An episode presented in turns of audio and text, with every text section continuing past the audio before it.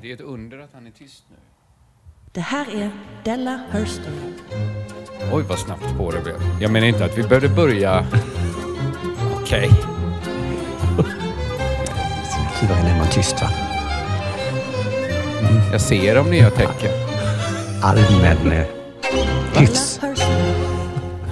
Allmän hyfs, det var tyst under signaturen va? Det var Jaha. synd på sån fin signatur. Det är jättelätt för Alex att bara klippa bort mitt prat. Om är så Han, han gör ju inte det för han tror att ni gör det medvetet för att det ska vara så skoj.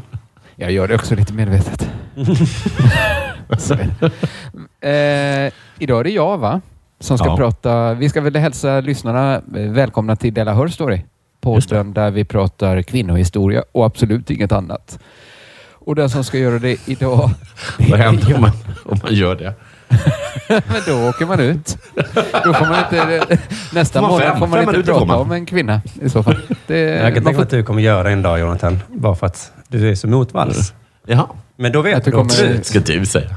kommer du berättar om, om körnraset. Eller så- vad heter det? Kör, när Körnbron rasade. Då åker du ut. Just det. Du Och och en del kvinnor dog ju också. ut. Lite snabbt ja, men vi, vi känner igen när man bara försöker kroka fast. Vanlig sketen historia. Va? Hörru, lugn med jingelfingret nu va? Men de är ganska långa också. Gud. Nej, men- Nu är det dags för Della Story. Jag kände att det var det dags det? för Della Her Story. Vem var Ja, det? ja, ja. Jag ställer- frågar varje gång, jag svarar varje gång, så nu orkar jag inte längre. Du känner så Har himla mycket svarat? invandrare. Simon. Och du har spelat in dem alla. Har du någon gång träffat en invandrare utan att säga Hej, kan inte du bara säga eh, du lyssnar på den här... så fort som du träffar en invandrare så blir du som en sån här äh, filmproducent på 40-talet. Jag ska göra det till stjärna! Du, du har det. Och med det menar jag att du låter lite roligt. Du har inte lärt dig språket exakt så som vi talade. Följ med mig in i den här studion. Nej, det, det behövs inga, inga kontrakt. 1950 Ja. Eh, får Stig Dagman skrivkramp. Men, Va? ja. Man Inget- måste få nämna... Jag kommer komma in på vad det handlar Är, är det Körsbron nu? De sista Nej. fem minuterna så kommer en kvinna. Då var Stig Dagerman bara 27 år gammal. Men han hade varit geniförklarad sedan han var 22 och debuterade med Ormen. Det här känner vi till. Va? Och eftersom han då var ett sånt himla geni så fick han fortfarande en massa feta förskott som han plockade ut fast han inte skrev något. Det blev Ja, inga ja. romaner, inga novellsamlingar, inga reportage, inget sånt som publicerades under 50-talet. För han hade så stark ångest. Va? Mm. Vad fick han förskott till då? Skriva allt böcker. det? Ja, han skulle skriva böcker och så bara Ja, tack okej. för pengarna. Eh, jag ska vara deppig istället. Ja, ja, men han hade en, lämnat fram någon liten plan i alla fall. Jag Kommer en vet, bok? eh, jag vet inte om han hade lämnat en, en så här, ett synopsis. Jag tror kanske att han bara fick pengar. Att snart kommer Jaha. det väl en bok, Stig. Ja, just Du har ju alltid skrivit böcker. Du har ju skrivit böcker sedan du var 22. Är man, man, är inte skyldig att betala förskott? Vet ej. Jag tror att man är det, va? Det är, man kanske måste lämna in något. Man måste nog lämna in... Tror du inte de har skrivit ett kontrakt? Att de har sagt att... Efter men då den här episoden i alla fall så, så kom de på det. Just, Behöver. eller kanske efter första förskottet. För det stod Mm. att han fick flera. Eh, han gick upp väldigt mycket i vikt under den här tiden. Och Okej. han gjorde flera självmordsförsök. Varför skrattar vi? Skratta. Varför skrattar? Jag vill också skratta, men jag, bara, jag, jag blev ledsen i Varför själen. vill du skratta? Kan inte Ja, du men det svara får, på det? jag får bara för mig att alla misslyckades av någon anledning på grund av att han har blivit så tjock.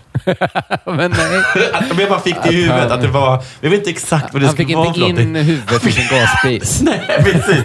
Han hade köpt en snara, men med tanke på hur fet den nacken blivit. men gud. När han hoppar från bron så, Så studsar han Han Doing, upp doing, en bara.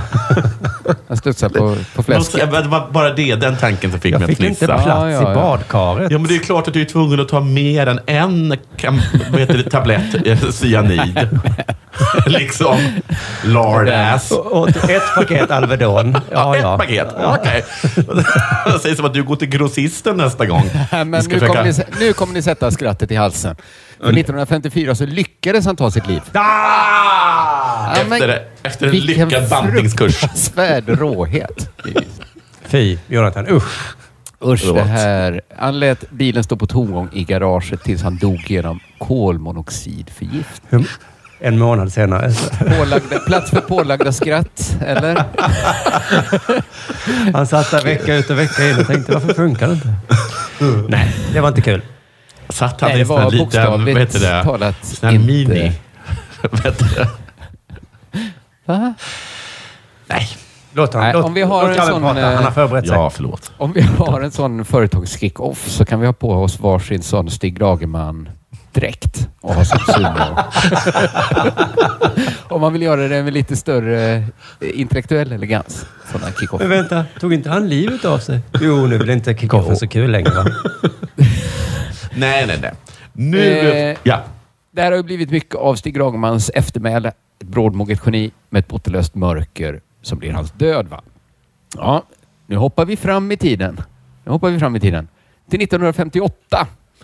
Då Olof Lagerkrans kom ut med en bok om Stig Dagerman. Va? Ja, Va? Den hette Stig Varenda Dagerman. gång. Varenda gång Ja, du ska hur tjock var han och hur tog han? Nej, Olof Lagerkrans var ju väldigt smal, som jag förstått det. Den här boken läste Beppe Wolgers, ganska tjock. Det är tre gubbar nämna. Ja, men Inte- det är ingen inte det tävling. Det Jo. kommer inte handla så mycket om de här Nej, det är ingen tävling. Det är ett uppdrag. Ett podcast. Uppdrag, ja. Det går inte att berätta det här utan att berätta om lite gubbar. Beppe Wolgers läste Olof Lagerkrans bok om Stig Dagerman och blev eh, upprörd. Han skrev en kritisk debattartikel. Han nämnde, nämnde, han vände sig till sin kompis Yngve Gamlin, som i sin tur vände sig till uh, Karl Uno Sjöblom, Som hade en lilla syster. Och det var... som han sa Man tyst. måste få måla en fresk av män som kvinnorna kan få dansa framför. Va? Eh, Beppe tyckte att eh, Olof Lagerkrans hade målat upp en alldeles för mörk bild av Stig Dagerman. Mm. Och framförallt så tyckte han att det var, liksom, det var sånt ensidigt fokus på Dagermans mörker. Mm. Det stod liksom inget i den här boken om vilken glad skit Stig Dagerman också var. Nej. gillade Och det, och det visste. Beppe. Beppe hade det på... Jag tror att Olof Lagerkrans kände nog Stig Dagerman mer i alla fall. Mhm. Men Beppe hade det nog kanske på känn. Han visste lite. Han visste att eh, Stig Dagerman gillar fotboll i alla fall. Och sen tror jag att Stig Dagerman festade ganska mycket eh, under den perioden när han blev så tjock. Då. Hur tjock han nu blev. Eh, och Beppe Wolgers frågade då eh, om Olof Lager kanske, kanske hade skrivit en bok om sig själv mer än om Stig Dagerman. Att Oj! alla, Det det- tänker man ju när man läser Ja. Zlatan-boken också. Ja, precis. Vem är Att det det den här är handlar om egentligen- egentligen? Har du kanske skrivit lite mer om din egen uppväxt? ja, kanske lite ja. Handlar det så himla mycket om att vara eller tillhöra den kulturella eliten? Ja, men han tyckte då Beppe att den här själsliga smärtan som Lagerkrans ville placera hos Dagerman egentligen fanns hos Lagerkrans själv. Och här börjar ju en fiendskap växa, fram mellan Beppe Wolgers och Olof Lagerkrans. Som snart ska mynna ut i en infekterad eh, litteraturdebatt som gått till historien som tröstdebatten. Kanske vi får uppdatera oss på. Det är många som kommer ihåg tröstdebatten. Eh, Det, det kommer en man till nu. Jag varnar för det då. Att det, 1958 så intervjuar Olof Lagerkrans den amerikanska författaren Henry Miller Mm. eh, som är totalt cynisk och tycker att det, går, eh, det håller på att gå åt helvete med hela världen. Men att man inte kan göra så mycket åt den saken. Och framförallt ska inte författare bry sig så mycket. De ska inte bli politiska och försöka förändra världen. Mm. Och då skriver Beppe ännu en artikel där han efterfrågar tröst. Vem ska trösta oss undrar man. Det är lite märklig kulturdebatt det här. Att Ja. Beppe frågar, vem ska trösta mig nu då? Men, jo, jo, men han spädde ju bara på problem. Eller menar Ja. han att han tröstade lite som författare då? Nej, han tyckte ju att eh, Henry Miller och, får man väl tänka, Olof Lagerkrans då, tyckte Ah, att det. det. Mm. är inte liksom eh, poesins roll att trösta människor. Nej. Utan man ska ju liksom eh, ner i mörkret snarare. Mm. Men Beppe vill liksom ha tröst. Om det tredje världskriget kommer nu, om det är helt ofrånkomligt, då är det ju tröst vi behöver. Vi behöver inte cynismer och svartsyn. Och då går topplocket på Olof Lagerkrans. Som säger, han svarar redan nästa dag och säger, är det tröst du vill ha Beppe? Så finns det sömnmedel på apoteket. Det är inte Oj. det vi ska ha böcker till. Men han öppnade ju för, ett, eh, för ett mål där. Han jobbade satte fram hakan. Ja, han sträckte ut Ja. hakan, Beppe. Och då var Olof där och slog honom på den. Ja. Han tycker att Beppe Wolf kan, ta på sig... Nu när hästarna har försvunnit från Stockholms gator så, så borde det finnas skygglappar över till dig, Beppe. Oj, Det, är liksom, det finns ingen tröst och att, eh, tröst att få och det är bara dumt att försöka hitta någon, skriver Lagercrantz. Han är väldigt hård där. Och nästan alla tycker att han gick lite för långt. När han sa att Beppe kunde börja äta sömnmedicin om han nu behövde trösta så mycket. Men han Eh, menade att han skulle ta livet av sig, va?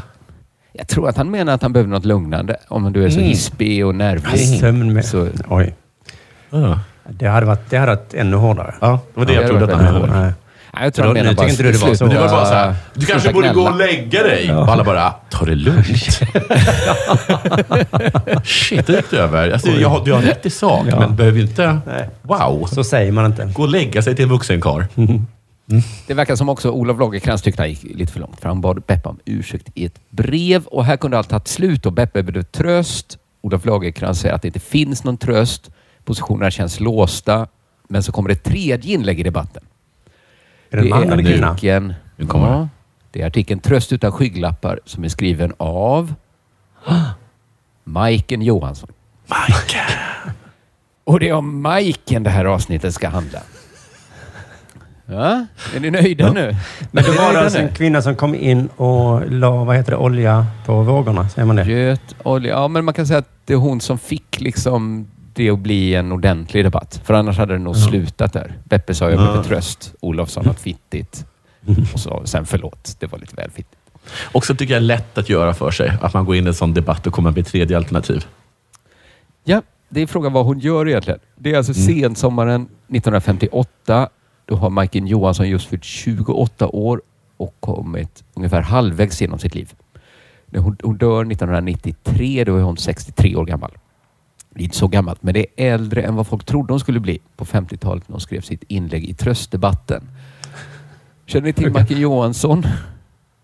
Nej, men så många hette Majken när jag var barn. Inte, Mike när du det var är liten? absolut inte när du är barn. Nej. Och hette Hon verkligen folk ju 90. Mike?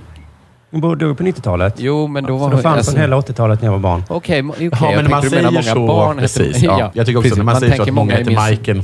Ja, men alla på TV att- hette Majken och så. Ja, ja, det var Mm, så- äldre så människor hette. Majken när du var barn. ja. Okej. Mm. Många Ja, hette ja, Sture kanske- när jag var barn. Alltså många, många av mina barnkompisars farfar hette Sture.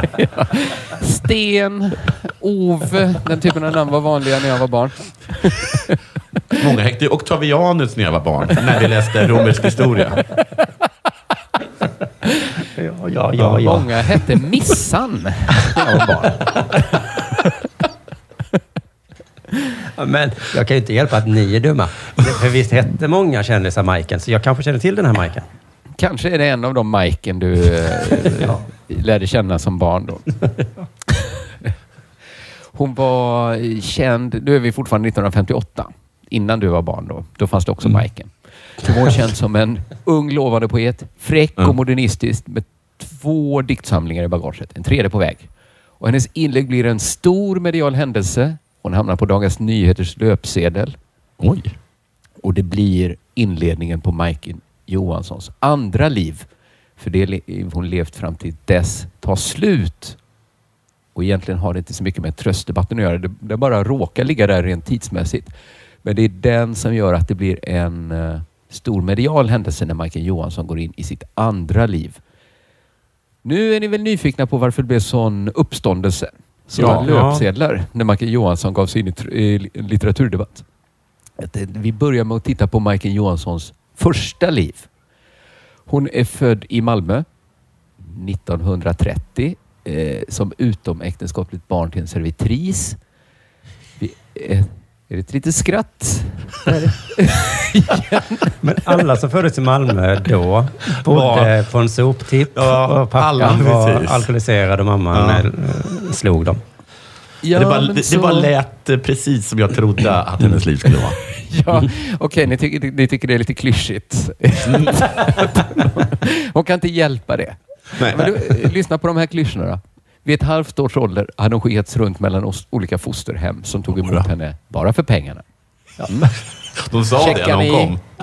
det, det är Här bara kommer för pengarna. 5,50 gående. Men sen kom hon till familjen Grip på Möllevången. Vad hette de, sa du? Familjen? Grip. Grip? Grip. Oj. Gris. Inte gris. Adligt. Stor Ja, skillnad men det var det Gris inte. och Grip. Ja, det är det verkligen. Båda Ja, bodde den, på ena, Möllevången. men- den ena tog hand om Majken Johansson och den andra fanns inte. Jag lovar att det fanns familjen Ja, det- Gris och vi bor på Sorgenfri och det är Ja. inte lätt att leva. Alltså, då, våra grannar som är lite fisförnäma då, familjen Grip. Vad är skillnaden? Båda är ju djur. Nej, det är stor skillnad ska du veta. Ett finns och ett finns inte. Nej. Hon verkar ha haft en väldigt snäll fosterpappa, pappa Grip där. Eh, Men tyvärr en väldigt aggressiv och lynnig fostermor kallad Yes. Mojan. Ja, du tycker det här är klyschor. Hette hon Greta Grip i så fall? Den hette inte Greta Gris, hon hette Mojan Grip. Kallades Mojan. Ja, ja. Hon var Mojan, kallades Mojan. Hon var också Moja, ja. Men inte till, eller låtsas-Moja, foster-Moja. Eh, Mojan... Gud vad Greta Grip, vad kul. Nej, det var det verkligen inte. Eh, Mojan Grip hamnade alltid i bråk med deras grannar då eftersom hon var så aggressiv och lynnig. Så att de var tvungna att flytta hela tiden. Skrattar ni fortfarande åt Greta Grip?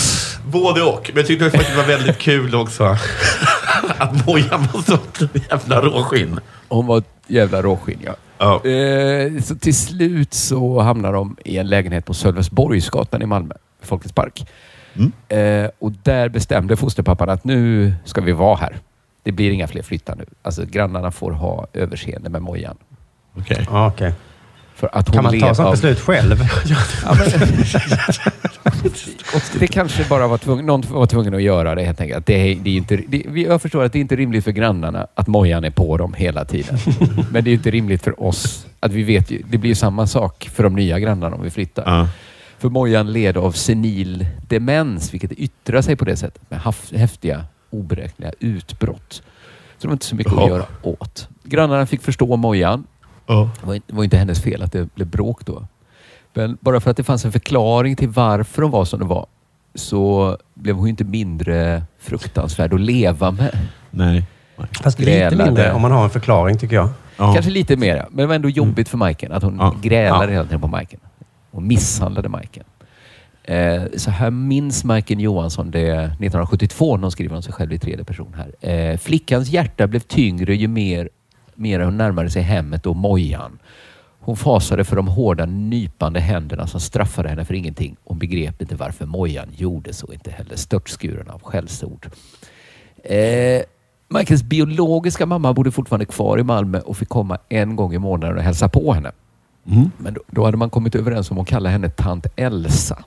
Mm. Hon hette Kerstin. Är Bra så konstigt? Och Jobbade hon i chokladfabriken? Elsa Eh, chokladfabriken. Hon var servitris. Alla jobbar på chokladfabriken. Eller? Jaha, nej, hon var ju servitris. Hon var ju servitris, ja. Men hon hade säkert kunnat jobba på... Jag håller med Vi om att det hade varit kalla en, dig- en, ännu en större Vi klyscha. kommer kalla dig tant Elsa. Jag heter ju Kerstin. Tant Elsa får det bli. Det, ja, framförallt då att de kallar henne Det är för tant. Mojans Men det, här är, det var inte förrän Majken var nio eller elva år, jag har sett två uppgifter, som hon förstod då att tant Elsa var hennes riktiga mamma. Eh, sen kom andra världskriget och hennes snälla fosterpappa blev inkallad eh, samtidigt som Mojans nervbesvär bara blev värre och värre. Och till slut kontaktades barnavårdsnämnden som lät Majken välja om hon skulle bo hos fosterföräldrarna, det vill säga Mojan, eller flytta till sin biologiska mamma. Får jag fråga en sak? Det Ja. fanns ingen som hade tänkt göra någonting åt Mojan. Eh, vad skulle de göra då? Ja, att, att åka in på något sorts, jag vet inte, sinnessjukhus eller... ehm, Jo, hon gjorde det till slut också. Mm. Eh, men då hade redan eh, Majken flyttat till tant Elsa, då, sin riktiga mamma, Ja. som bodde vid Men vilket- Värnhemstorget. Lustigt val. Men det var inget negativt med Elsa väl? Vad sa du? Inget negativt med... Eh, Men- Nej, det var nog att hon var, eh, inte kunde ta hand om sitt barn själv när hon var ensamstående servitris. Nu kommer min son. Hej KG! Vill du vara här? Eh, nu ska vi se här. Eh, ja, men då blev... Eh, ja, hon bodde hos sin mamma då helt enkelt. eh, och Mojan dog på ett mentalsjukhus. Så hon åkte in eh, Mm. till slut ändå. Det är ingen, det är ingen glad berättelse det här. Kan jag, Nej. säga. jag varnar. Eh, Det är bra att ni, ni skrattar. Att vi fick skratta lite åt Dagermans självmord för att nu blir det bara tråkigt. det hade Jag jag, med som en liten... som en lite, bara lite lube. Jag kan säga Greta, Greta Grip några gånger om det blir för Ja, tungt. ja, men det är bra. Det är bra. Michael är då 13 år när hon flyttar ihop med sin mamma eh, och hon har själv beskrivit sig som kvarterets dåliga flicka. Ja. Eh, enligt Michael själv var hon flickan som pojkarna fick gå ner i källaren och göra saker och ting med. Mm. Låter inte bra. Eh, och det ryktet följer med henne då upp i realskolan efter att hon lämnat Möllevången. Och hon, får man nog säga, verkar också leva upp lite till sitt dåliga rykte eh, genom tonåren. Mm. Eh, hon söker hela tiden gemen. Det är liksom ett sätt. hon- vill liksom bara ha gemenskap. Men så får Mm. hon in- inte det riktigt. Och på Borgaskolan kallas hon tjocka Majken och får dras då vidare med sitt rykte om att vara kvarterets dåliga flicka. Men så visar det sig att hon är musikalisk. Eh, men tyvärr är det för dyrt med pianolektioner. Så hon får spela munspel istället. Men munspelet, munspelet, här har ni ljuset. Nu strömmar ljuset in här. Munspelet hjälper henne att få vara med i gemenskapen. För med sitt munspel så kan hon spela på rösterna så att de andra barnen kunde dansa. det var, där har ni ju. Det var en annan tid bara. Inte var det det Det var, det var ganska annan tid att... Va- Får jag va- vara med? va- Nej, Vad tjocka Friends, Majken. vad Friends lärde hade var annorlunda på den tiden. Men varför spelar du inte munspel så att de dansar istället för att ta ner dig i källaren och göra vad de vill med dig? Eller kalla dig tjock. Nej, men jag tycker inte alls det låter så bra, hennes barndom och uppväxt. Men Nej. trots eh, det så minns hennes jämnåriga från den här tiden minns henne som nästan hela tiden glad och munter. Ja, som Stig Dagerman. Eh, han är väl Ur inte Beppes, riktigt det. eh, Ur Beppes, ja. perspektiv. ja. just det. De hade... Ja. Precis. Men kanske ännu mer. Att hon var bara glad och munter. Okej. Som Beppa Eh, hade hört talas om Majken. Han har sagt samma sak. Ja. En underbar barn, barnväxt. Ja, men det verkar ändå, trots att de minns henne så, så verkar det stå klart att det inte var så lyckligt. Nej. Och 1979, när hon är 49 år, säger hon att barndomens ångest följde henne, har följt henne genom hela livet. Ibland kallar hon det för urångesten, ibland kallar hon det för mojaskräcken. Mm. Eh, en sak har hon i alla fall. Vi tar ur ångesten. Ja, mojaskräcken låter nästan för obehagligt. Och roligt, ser jag på Simon. Vad ska jag kalla min diktsamling? Ska jag kalla den för urångesten eller mojaskräcken? Mojaskräken. Det är ju rätt för mojan. Det blir urångest. Eh, men Redak- redaktören valde. Ja. hon har då i alla fall sitt munspel Ja. och hon har att hon är, hon är också väldigt bra i skolan. Riktigt bra är hon. Ja, ja, Så hon tar realexamen och börjar på Katedralskolan i Lund. Hon fortsätter spela munspel och skriva sångtexter till kända melodier. Hon skriver dikter.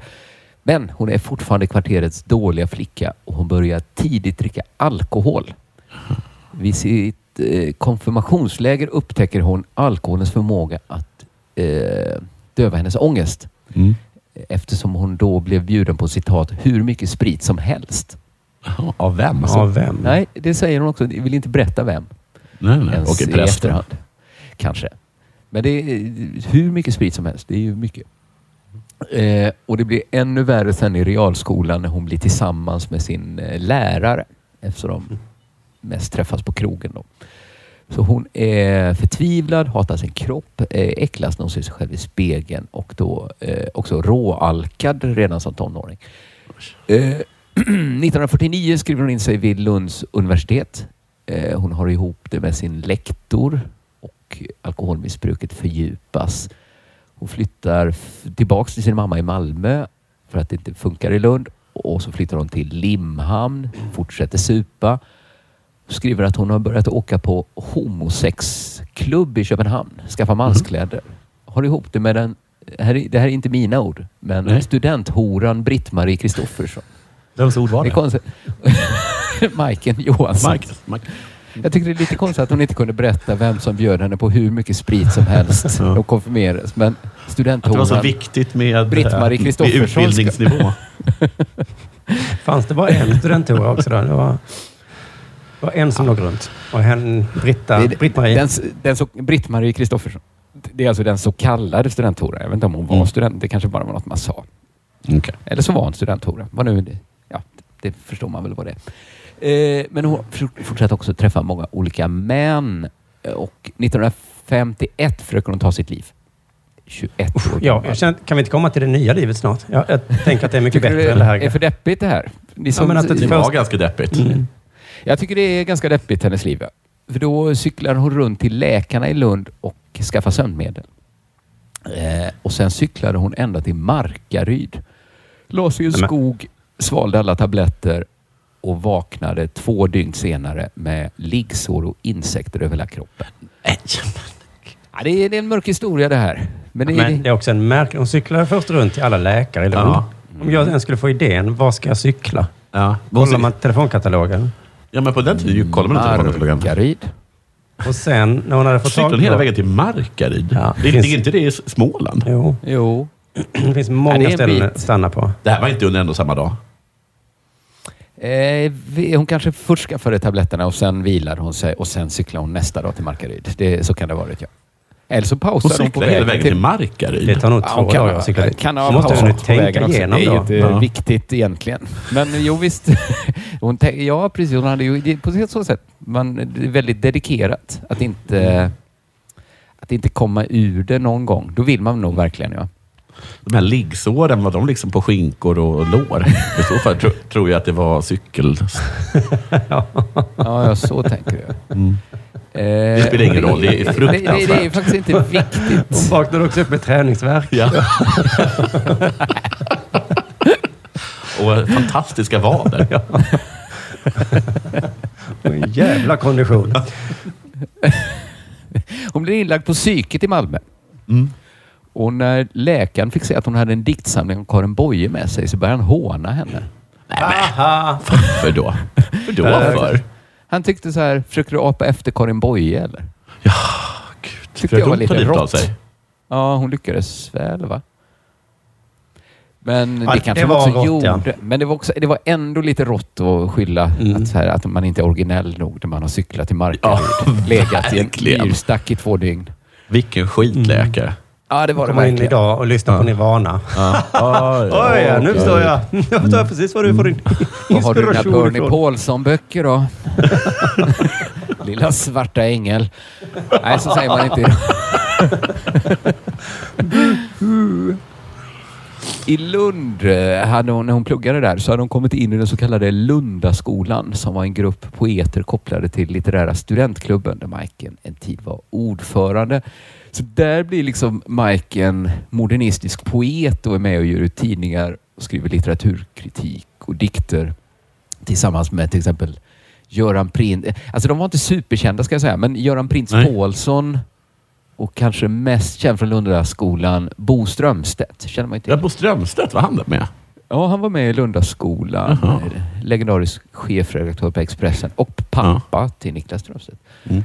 Jag har träffat honom. Eh, Har du? Mm, flera gånger. Är han sirlig? Han är inte känd för att vara sirlig. Ja, men det, det var han. Berätta någonting om Lundaskolan. Berätta inget om Lundaskolan. Vi har bara haft två konversationer tror jag bara. Ett med jag, jag sa En om någonting. Majken Johansson. Han berättade om hennes fantastiska vader och hennes intellekt. Nej, så har vi också snackat om, om låten Stolta stad som Bellman gjort. Mm. Ja, ja. Ja, det låter som Bo Strömstedt det. Då var det Ja. den riktiga Bo Strömstedt. Ja. Det låter som Jonathan Unge också, tycker jag.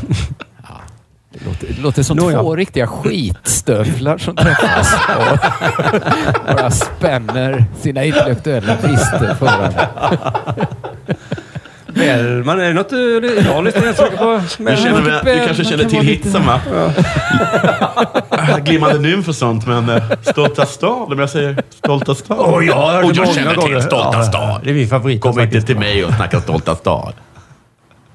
Hör upp Movies! Michael blir, här när hon är med i den här Lundagruppen så blir hon upptäckt av Bonniers för sin fräcka ironiska stil. Och hon debuterar 1952 med diktsamlingen Buskteater. Ursäkta, hur blev hon upptäckt sa du? Eh, ja, men hon skrev, eh, Hon skrev i, ju. tidning- eh, hon skrev i tidningen Vox till exempel. Okej. Jag träffade Där Bonniers. då läste någon på Bonniers, kanske Gerhard Mm. Bonnier, läste Vox, Jag hittade träffade mig. Karl Gerhard. Så kan det ha gått till. Vi kan bara spekulera i det eller kolla upp det. Eh, hon kallas ibland för Möllevångens Edith Piaf. Bott på Möllan hörde aldrig det sägas, men de har väl gjort ungefär samma eh, resa då, tänker man, från Mm. fattigdom och utsatthet till ryktbarhet och i Markens fall också en akademisk examen. Eh, sen flyttade hon till Stockholm 1953 för att komma bort från allt supandet och alla lösa sexuella förbindelser. Och hon började ta antabus men hamnar i Klara-träsket som hon kallar det. Hon syftar alltså då på Klara-kvarteren som inte hade Och- rivits ännu. Nej, och söp också då? Eller vad menar de med det? Eh, ja, För Klara, det, det, det, det, då var det alla tidningar var det va? alla tidningar, alla... Och porrgrejer, eller? Eh, Kanske porr och prostitution också, ja. Och Ja. poeter och konstnärer och sådär. Ja. Eh, Var ligger Klarkvarteren? Det är typ Norrmalm. city nu. Ja, precis. Det, precis. Det Klara kyrka ligger kvar kanske där. Mellan eh, Sergels torg och eh, Centralen kan man väl säga. Skulle jag säga i alla Ja. fall. Alltså, Eh. förlåt, men visst har Stockholm redan gjort en New York? Menar du? Att New York så städade man upp skiten för ett tag sedan ju. Ja. Men Ja. det måste ju Stockholm ha gjort också då. För det, alla historier jag hör om Stockholm var så här. Där alla söp i city och gamla också samtidigt som Alltså, en nu är det ingen som super någonstans Ingen super någonstans. Nej. Nej. Nu är man utanför Eh, super i alla. Stockholms stadsdelar verkar ju ha kallats Träsket någon gång. Ja. Mm. Känns som. Eh, men eh, ja, men, Men det hela finns Stockholm ingen city Rudy. Giuliani i Stockholm som kan ta åt sig all ära menar jag. De kallar, de kallar väl sig själva för sossarna bara. Sossarna. Men det var, ja, men jag tror att det var super eh, i Stockholm city. Mm. Men det är fortfarande jävligt grisigt Stockholm city. De har inte lyckats så bra. Det är, Nej, det är inget så trevligt att vara i Stockholm city. nej, det är det inte. Och Klara Eh, det kyrka är väl ett sådant ställe man... Där Det liksom, luktar alltid piss där. det luktar alltid piss och det är dit... eh, Jag tror, jag tror verkligen till sådana här, vad heter det, vad heter det, gat, vad heter det, soppkökshäng. Ja, precis. Och Okej. det, det känns som det är lite samma typ av... Men eh, det kanske var fler poeter förr då. Fler konstnärer. Jobbet är inte klart, är det ni säger. Vi kan fortfarande städa lite, Mm. lite till. Lite till skulle de kunna städa, ja. Men jag tror, det är renare nu. Men det är Ja. lite alkat fortfarande. Ja. Men ja, det, det, det var kanske lite ett annat folk som satt och söp och det fanns mycket små pilsnercaféer och sånt där. Eh, Nils Ferlin, den typen av eh, liksom klara bohemer som hängde där. Eh, ja, nu har jag, jag har till och med skrivit upp här. Det var 700 byggnader rev man på Ja. Klara. Så det var liksom bara en stor grop kvar där det moderna Stockholm city byggdes på 60-talet. Det var väldigt Eh. fint liksom med nedgånget. Jag tror det ungefär såg- såg ut som, som, som Söder. Tror jag det såg ut som. precis. Uppe vid Mosebacke typ. Ja, att det är en massa små precis. hus. Ja, Ja. Kanske lite pampigare hus också. Liksom. Mm. Det, det verkar varit, jag har kollat lite bilder, det, det ser svinfint ut. Ja, jag vet. Det är jävla, folk som jävla sorg. där tyckte det var så himla, himla mysigt. Mm. Eh, och eh, säkert hemskt också. Det är synd att vi Framförallt- inte klarar av mysigt i Sverige, för då börjar vi supa så mycket. Åh, Ja. vad mysigt. Här ska jag ha en öl. Ja. Det vi måste bygga ett fult hus Det här. som blir väldigt mysigt när alla bara super hela tiden. Att det är det ingen det som som- bygger något nytt hus då. Då står alla de gamla fina husen kvar. Eh, Men Majken kom då dit på mitten av 50-talet när liksom, då är ju Klara fortfarande kvar. Men det måste ju ha varit i sitt allra sämsta skick då. Mm. Precis innan man rev det. Och även de människorna som bodde där måste varit i sin, liksom, slutet av sin alkiskarriär. Eh, och hon började då supa med de klara bohemer som ännu inte hade supt ihjäl sig. Hon sålde sin kurslitteratur från Lund för att kunna köpa sprit och började till slut eh, hora för att få eh, pengar till sprit. Det var Nej. lika bra att sälja den litteraturen tycker jag. Ja. Ja, den har jag redan läst. Jag har aldrig Ja. haft glädje av min gamla kurslitteratur. Nej, exakt. Nej, den, det var lika bra hon gjorde det. Ja. Ja. Eh, Så det var en solskenshistoria äntligen. Ja. Så det var ju lite så att hon gjorde sig av med det. De ja. lådorna. Ja. Ja. Hon flyttade med sig överallt. Eh, och ibland är det som att hon är på väg att ta sig upp igen. Hon får jobb på Mm. Norstedts förlag, sköter sig. Men så fort lönen kommer in så tar hon in på Grand Hotel och super upp pengarna på något Nej. Ja, det är synd. Så hon skötte sig inte då kan man säga. Man skötte sig en månad. Ja, lite då och då sköter hon sig. En månad Okej. kanske. Ja. Det är inte att Eh, sköta sig, att vara lugn då och då. det, då är det... Ja, jag, jag kan absolut inte lita på dig. Jo, men idag då? Ja, men imorgon då? Ja, imorgon får du lön. Är det att 25 då- imorgon? Ja. Nej. Är det lugnt? Ja. Så du kommer på mötet imorgon klockan tio? Ja. ja. Ja. Men det verkar också så himla dumt att ta in på Grand Hotel och supa upp. Ja, jag vet. Det var, Alltså hon att vissa tog- hon- alkisar är så dåliga på att planera. Hon Ja. vet ju att de måste... Nu är ju kurslitteraturen slut. Ja. måste jag sälja mig. Ska jag inte bara ta ett billigare hotell? Hur mycket kurslitteratur hade hon? Ja, men hon hade ju en annan eh, oändlig resurs. Ja. Hur mycket Eh, sprit blev det av det? Ja, det räckte ett år. 1954 så gör hon ett andra försök att ta livet av sig i ett garage tillsammans med en ung man. Men hon vaknar upp ur förgiftningen och blir inlagd på Beckomberga. Så det är, mycket, tråk, det är mycket tråkigt i Majken Johanssons eh, tidiga men, hon, första men som liv. sagt, men alla minns henne som superglad. ja. Alltid med ett leende. Skrattmajken. Ja, vart tog- hon vägen? Men sen hörni, sen händer något som ska förändra hennes liv i grunden. Mm. Vann på Lotto? Nej, han är nästan. Nästan. Jaha. Bättre upp, bättre upp. Hon, hon, hon blev ihop med. Beppe. Ja, nästan. En... Majken sätter in en kontaktannons. Det hade nästan rätt. Ja, nästan. Om det är Beppe som svarar hade du helt rätt. Ja. Men hon skriver så här. Ung kvinnlig akademiker söker väninna. Gärna 30-40 år. Övervägande intellektuella och konstnärliga intressen. Svar till off loneliness. Mm. Vad fint. Och hon får svar av en kvinna som beskriver sig själv som en yrkeskvinna i chefsställning. Och Michael ser på handstilen att hon har hittat rätt. Och det har hon tydligen också för det blir hennes livs stora kärlek. Eh, Michael kallar henne aldrig för något annat än S när hon skriver om henne och avslöjar aldrig könet på sin stora kärlek. Men vi vet idag att det är en Solveig Borg, finlandssvensk direktör för Specialpapper AB.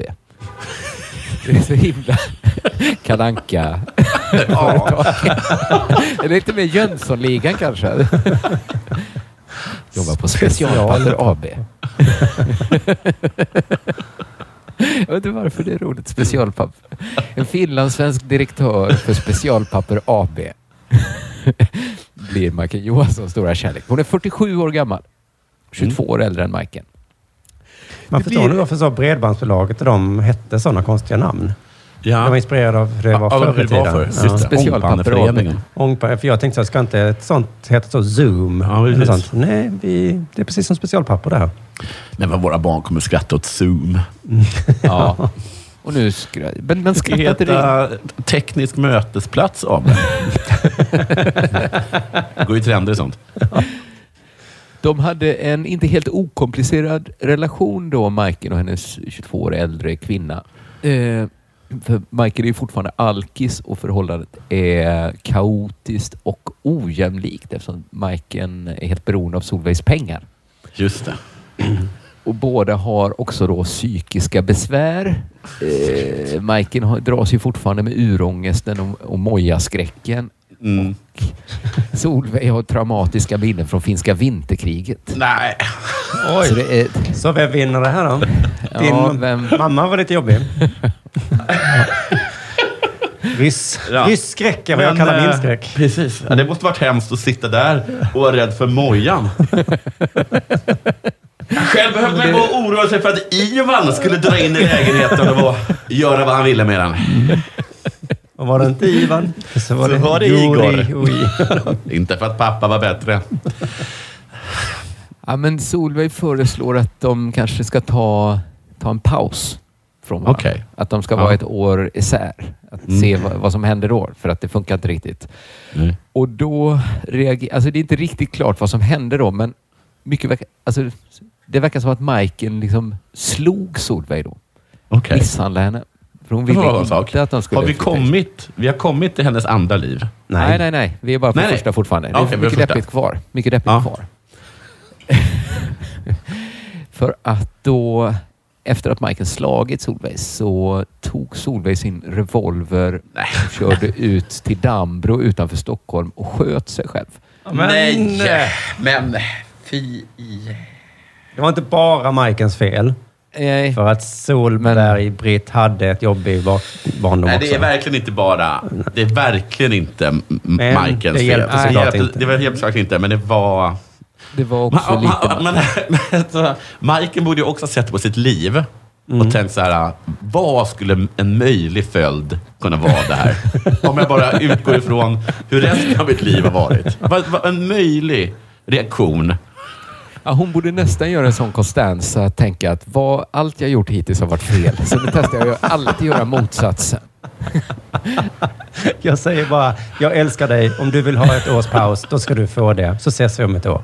Puss. det är ju väldigt drastiskt gjort av Solveig såklart. Och hon dog då också såklart. Eh, och det här kom då Majken aldrig över. Hon slutade aldrig sakna Solveig. Eh, och man får nog börja säga att hon började idealisera Solveig och deras eh, förhållande som var mycket mer komplicerat och inte sådär jätte... Det varade ett år. Är det någon form av självbiografi du har läst här eller är det någon ute... Jag har läst, eh, dels har jag läst Bottenglädjen och sen, fan, jag borde ju berätta Ja. mina källor. Ja, men jag bara Eh. tänker just de här skildringarna, att, de, att det var komplicerat. Är det hon själv som har sagt det eller är det någon Eh, annan som har sagt det? Det är nog någon annan som har tolkat det hon har sagt. Så är det. Vad hette den andra boken nu? Livsvittnet hette den andra Är, boken. är det om Okej. henne eller böcker av henne? Det är böcker om henne. Sen Om finns henne, boken eh, om Magda som är hennes Ja. självbiograf. Den har jag bara läst eh, utdrag. Mm. Eh, så Jag det blir en, jag har gjort någon sorts avvägning och Ja. jag tror att det är ungefär det jag säger som har hänt. Ja. Eh, åren mellan 1956 och 58 då eh, präglas av sorgarbete som hon sen ska hålla på med hela sitt liv. Men också av andligt sökande. Eh, sökande efter Solveig skulle man kunna säga. Hon bär liksom alltid med sig bilder av Solveig som ikoner. Hon uppsöker medium i London.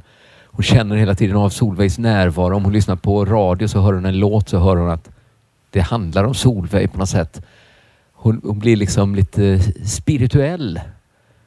Och Solveig ute, Solveig inne. Ja. precis. Hon. Hon. hon berättade att först satt hon bara och slog i väggarna och skrek rakt ut. Och sen bestämde hon sig Varför för att ta berättar sig... man sånt? Man, Men vad menar du? Nu, nu är du Beppe. Nu är du ju Beppe här. ja, men om jag hade gjort det, då hade jag inte gått runt och berättat det för folk sen. Jag hade Hon kanske sagt att jag var ledsen. berättade, hon har kanske berättat det för någon som berättade för någon och sen Ja, skrevs just det, en biografi över henne. Och nu sitter jag och berättar det här. Mm. Ja. Men sen, ja, så bestämde hon sig för att ta sitt liv.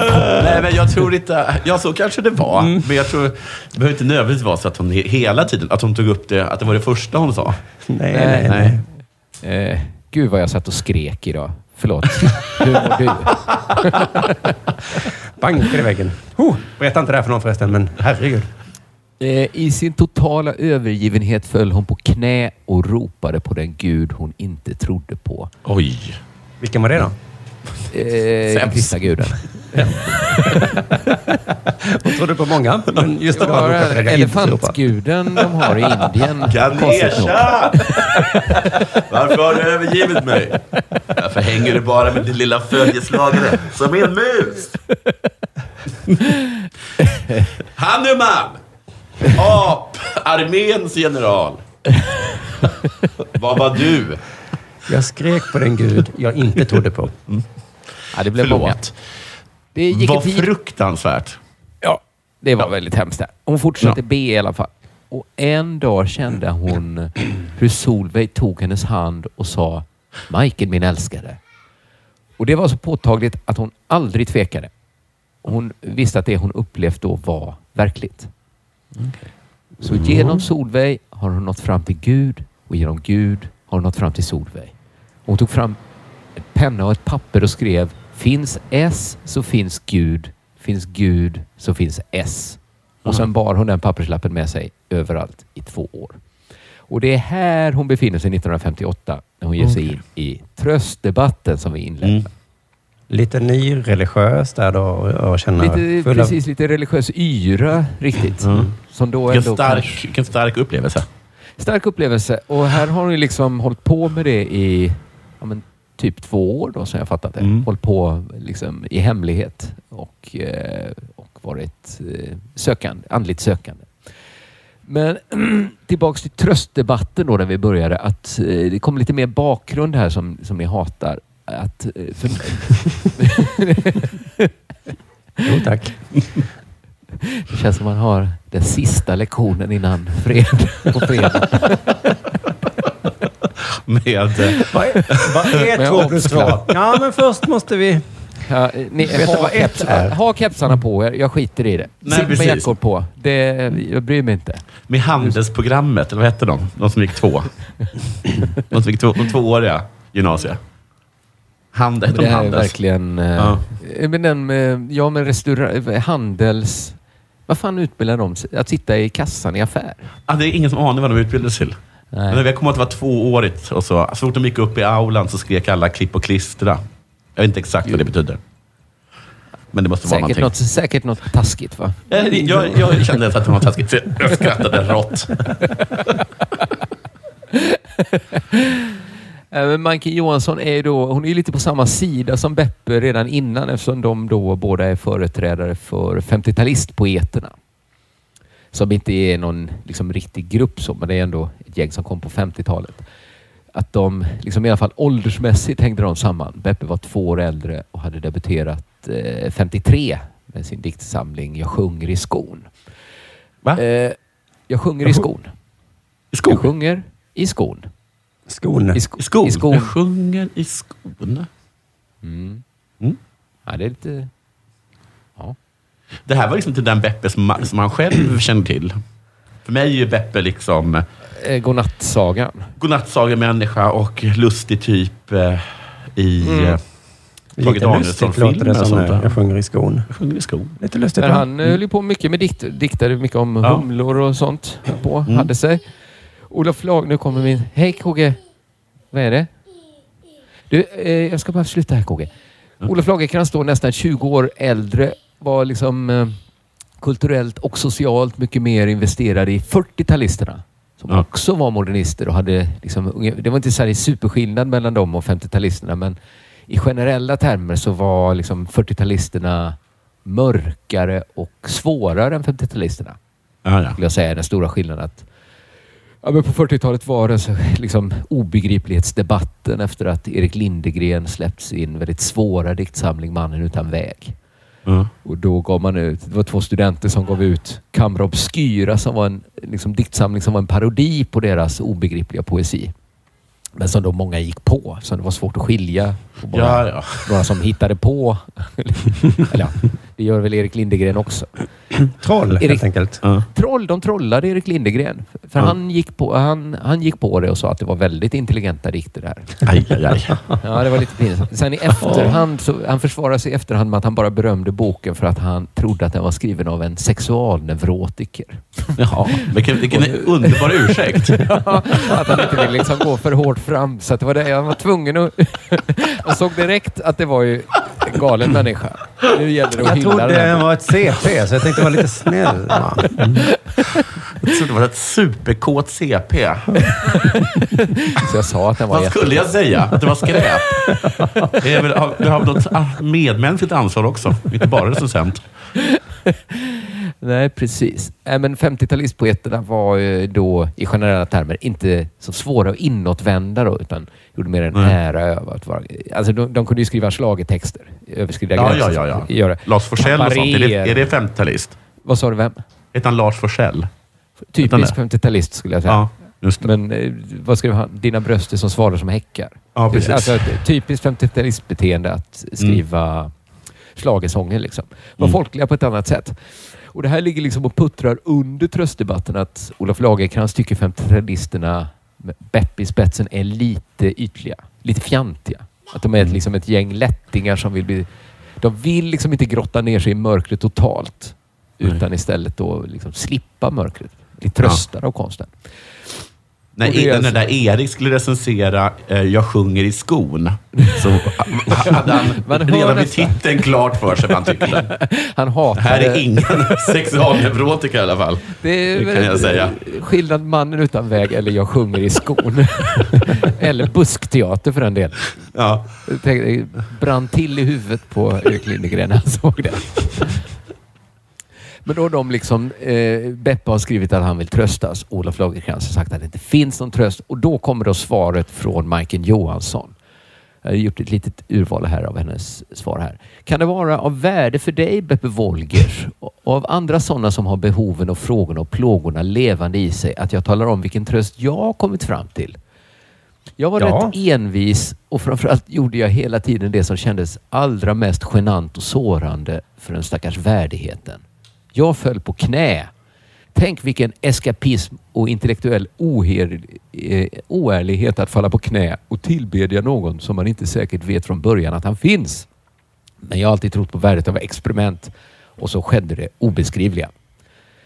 Eh, och det här hamnade alltså då på DNs löpsedel den 11 augusti 1958. Det stod Majken Johansson bekänner kristen tro. Ingen superlöpsedel egentligen.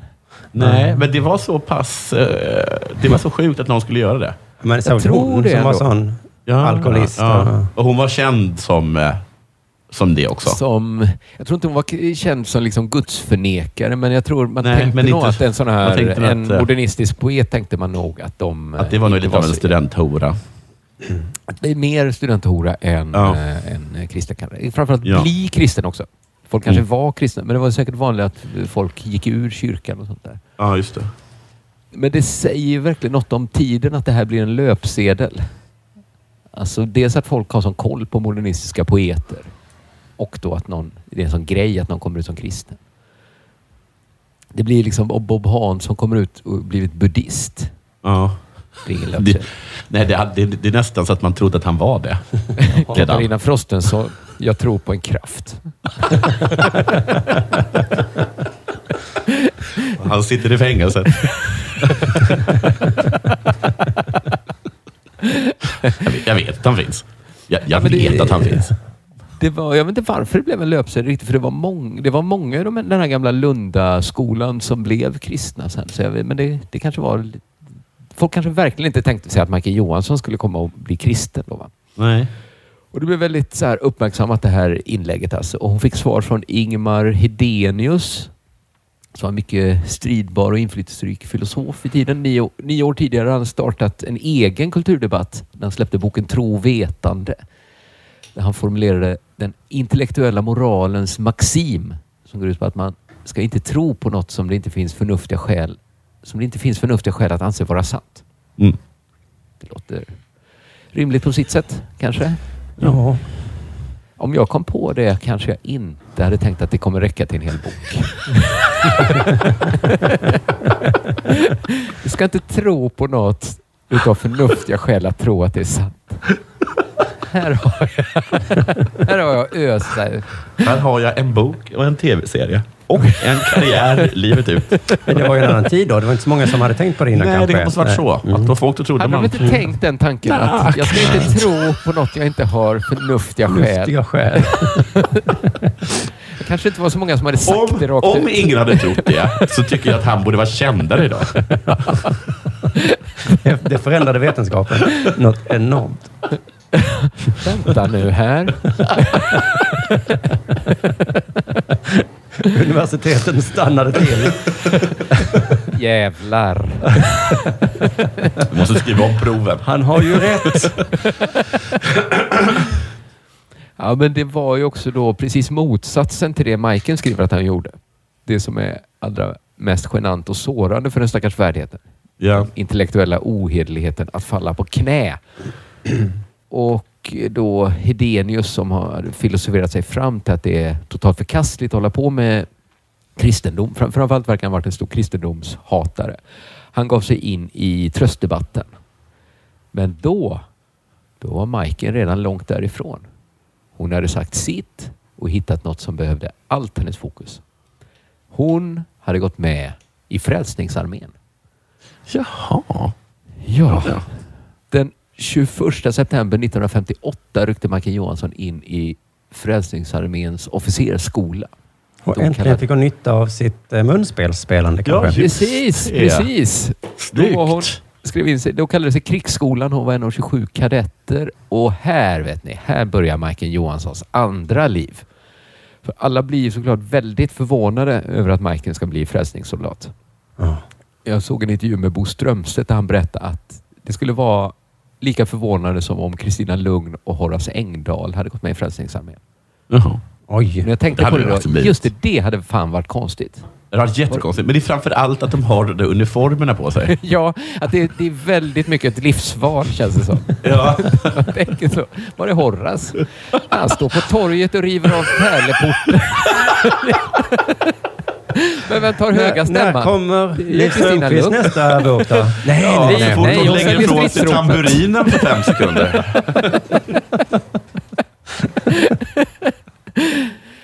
Håll bössan leva. Nej, men det, och grytan kokar.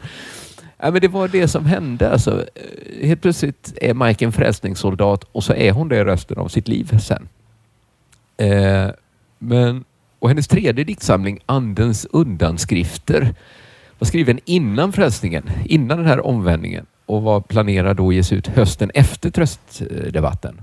Mm. Man hade ju nästan kunnat tro att Majken gav sig in i tröstdebatten för att liksom, eh, eller liksom nästan skapade tröstdebatten för att rikta fokus mot att hon skulle släppa en diktsamling. Så skulle man ju tänka idag kanske. Mm. Ja, Lite det. cyniskt sådär att någon bara gör det för att tjäna pengar. Men i Majkens fall var det helt tvärtom. För efter den här eh, omvälvelsen som hon har genomgått så försökte hon eh, annullera sitt kontrakt med Bonniers för den tredje diktsamlingen just för den var skriven innan frälsningen och inte innehöll någon kristen bekännelsedikt. I kontraktet. Vad sa du? Nej, förlåt. Nej. Det var ingenting. Nej. Men då, Nej. hon, hade kunnat jag, lägga, jag, jag var dum. hon hade kunnat lägga till en sån dikt Ja. väl? Ja, det Ja, hade hon hon- kunnat göra. det hade kunnat ja, för jag tror den var väldigt kort den här. Den var bara så här 20 sidor lång Mm. ändå. Så det fanns nog... Ingen hade Mm. tyckt det var konstigt om det kom lite uh, gudfruktiga inslag. Mm. Men hon övertalades ändå att ge ut den. Man liksom övertygade om att Nej, men den handlar ju om ditt andliga sökande. Kan du inte se det så? Jo, Ja, kan jag säga. ja, smart. Och då kom den ut hösten 1958.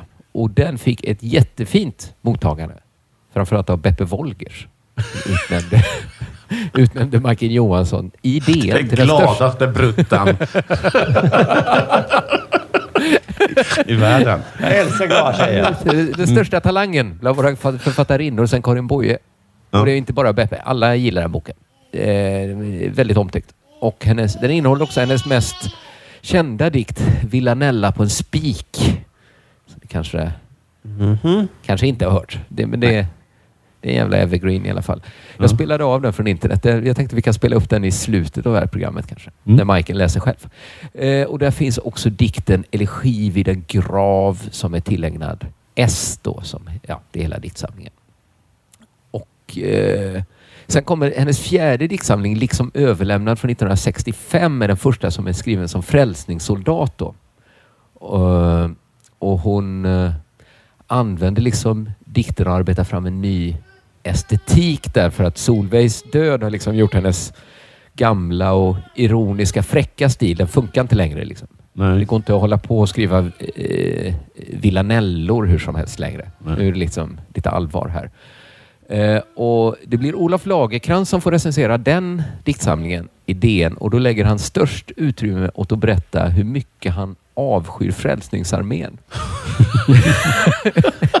Deras allmoseromantik och stridsropshurtighet. Det har ju både med saken att göra och inte i den här recensionen va? Ja, Alltså, precis. Men, Man hade kunnat lämna det åt sidan. En av Majkens biografer tycker då att Olof Lagercrantz verkligen letar exempel i diktsamlingen på hur Frälsningsarmén haft skadligt inflytande på Majken. Eh, men den, just det var skrivet av en annan frälsningssoldat.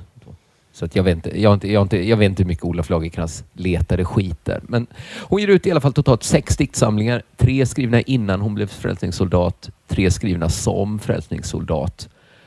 Och eh, precis som hennes jämnåriga från skolåren som minns henne som alltid leende och glad så är det precis så hon eh, framställer sig själv som frälsningssoldat. Det sägs att hon aldrig missade tillfälle att brista ut i halleluja. Halleluja. Oj. Och det känns som att det är så många tillfällen. Det kom hela tiden. Hon gjorde det så Ja. ofta hon kom åt. Ja. Alla älskade Majken för de kom och sa för att dölja halleluja. att hon var så ledsen. Hur är Kanske. läget? Eh, Halleluja. Halleluja! Hon ser, hon, ser, hon ser väldigt, väldigt glad ut på alla bilder jag sett Gud, när vad hon är härligt. frälsningssoldat. Om man var jämför med trevligt. de porträtten av den unga modernistiska poetissan Möllevångens Edith Piaf Mm. ställer bredvid fotona som frälsningssoldat. Ja. Även man man jämför med en- väldigt många dysterkvistar som, av frälsningssoldater som har sett bilder på. Ja, men Hon hon var ser glad. väldigt glad. Ja, okej. Hon står med gitarren i högsta hugg. Mm. redo att... Hon, hon liksom älskade att... Hon ville liksom finna som frälsningssoldat som en undermedveten kraft. Att bara liksom... Genom att stå på gatan och spela och sjunga för full hals så arbetar man med frälsningen för man liksom tar sig in i människors huvuden, tänkte hon. Mm, ja. Det är ganska smart tänkt. Att Mm. Man tänker ju på om man ser en frälsningssoldat som sjunger högt. Eh, eh, och frälsningen då kan alltså enligt Majken, den kunde liksom trösta men den kan ju tyvärr inte lösa alla ens problem, frälsningen. För att Majken är ju vrålalkad fortfarande. Oj, Ja, det är hon det? ja. Det löste ju sig inte bara. Nej, nej, Hon har ju fortfarande djupa själsliga sår som hon då binder till sin galna fostermamma Mojan. Ja, Så att hon blir bara tröstad men hon har kvar alla sina problem. ja. ja. Så att eh, hon går i psykoanalys och hon... Alltså hon är ju en missbrukare som inte kan, kan ta hand om sig själv. Så hon Mm. har jättemånga och jättedjupa återfall och hon får flytta hem till den äldre frälsningssoldaten Karin Hartman som tar hand om Michael i sin lägenhet på Östermalm. Lite oklart vad de hade för relation riktigt. Mm. Det, jag har läst Karin Hartmans bok om Martin Johansson, Bottenglädjen. Jag skulle säga att det känns inte alls som de har något sexuellt för sig. Mer, det är rätt mycket mor-dotter-förhållande. Ja. Eh, Majken börjar kalla sig själv för Tynket Mm. och Karin Hartman för Tynkmamman. Ja, då tycker jag verkligen att... Vi hoppas att det inte är sexuellt i Nej, alla fall. vi verkligen hoppas. Det skulle inte vara det värsta i den här historien ändå. Nej, gud Nej, det låter bara så. Gud nej. Men det verkar helt uttalat att Karin Hartman ska fungera som en eh, mamma åt eh, Majken. Som då ska tillåtas vara ett barn som skriver så här, små lappar till Karin Hartman när hon låtsas vara ett barn. Det, det verkar inte, inte helt det, det var friskt. lite... Nej. Jag tycker de touchar gränsen, de här två kvinnorna, Ja. Ja. för vad som verkligen är bra. Och mot slutet av 70-talet så inser Majken att det är liksom inte problemet att hon har, liksom, har Karin Hartman som sin mamma, men nu har hon börjat överföra sin negativa modersbild på Karin Hartman. Nej, så att Moja-skräcken Moja-skräcken dyker upp igen, så nu får Majken hjälp att skaffa en egen liten lägenhet vid Hornstull. Och då är hon Mm. nästan 50 år. Mm. Tyvärr får alla Söders alkisar veta att Majken har kommit till ön. Gud. Så det blir ett himla spring i hennes lägenhet. Vi drar hem till Majken! Hon har egen lägenhet nu. Är inte Tynkmamman där? Nej. Det är Tynkmannafritt i helgen. Det slutar med flera återfall, sjukhusvistelser och vårdhem.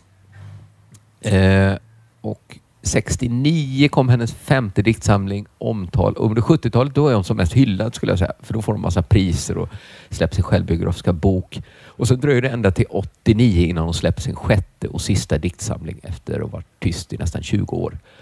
Och sen dör Majken 63 år gammal enligt expertisen av ett hjärtfel orsakat av hennes kroniska alkoholmissbruk.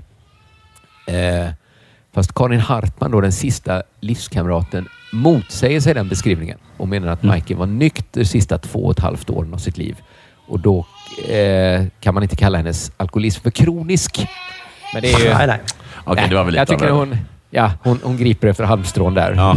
får vi säga. Ja, du, Kalle, Kalle, jag är klar nu precis. Nu, nu är vi klara. Nu får jag ta min son här, för nu är Majken Johansson död.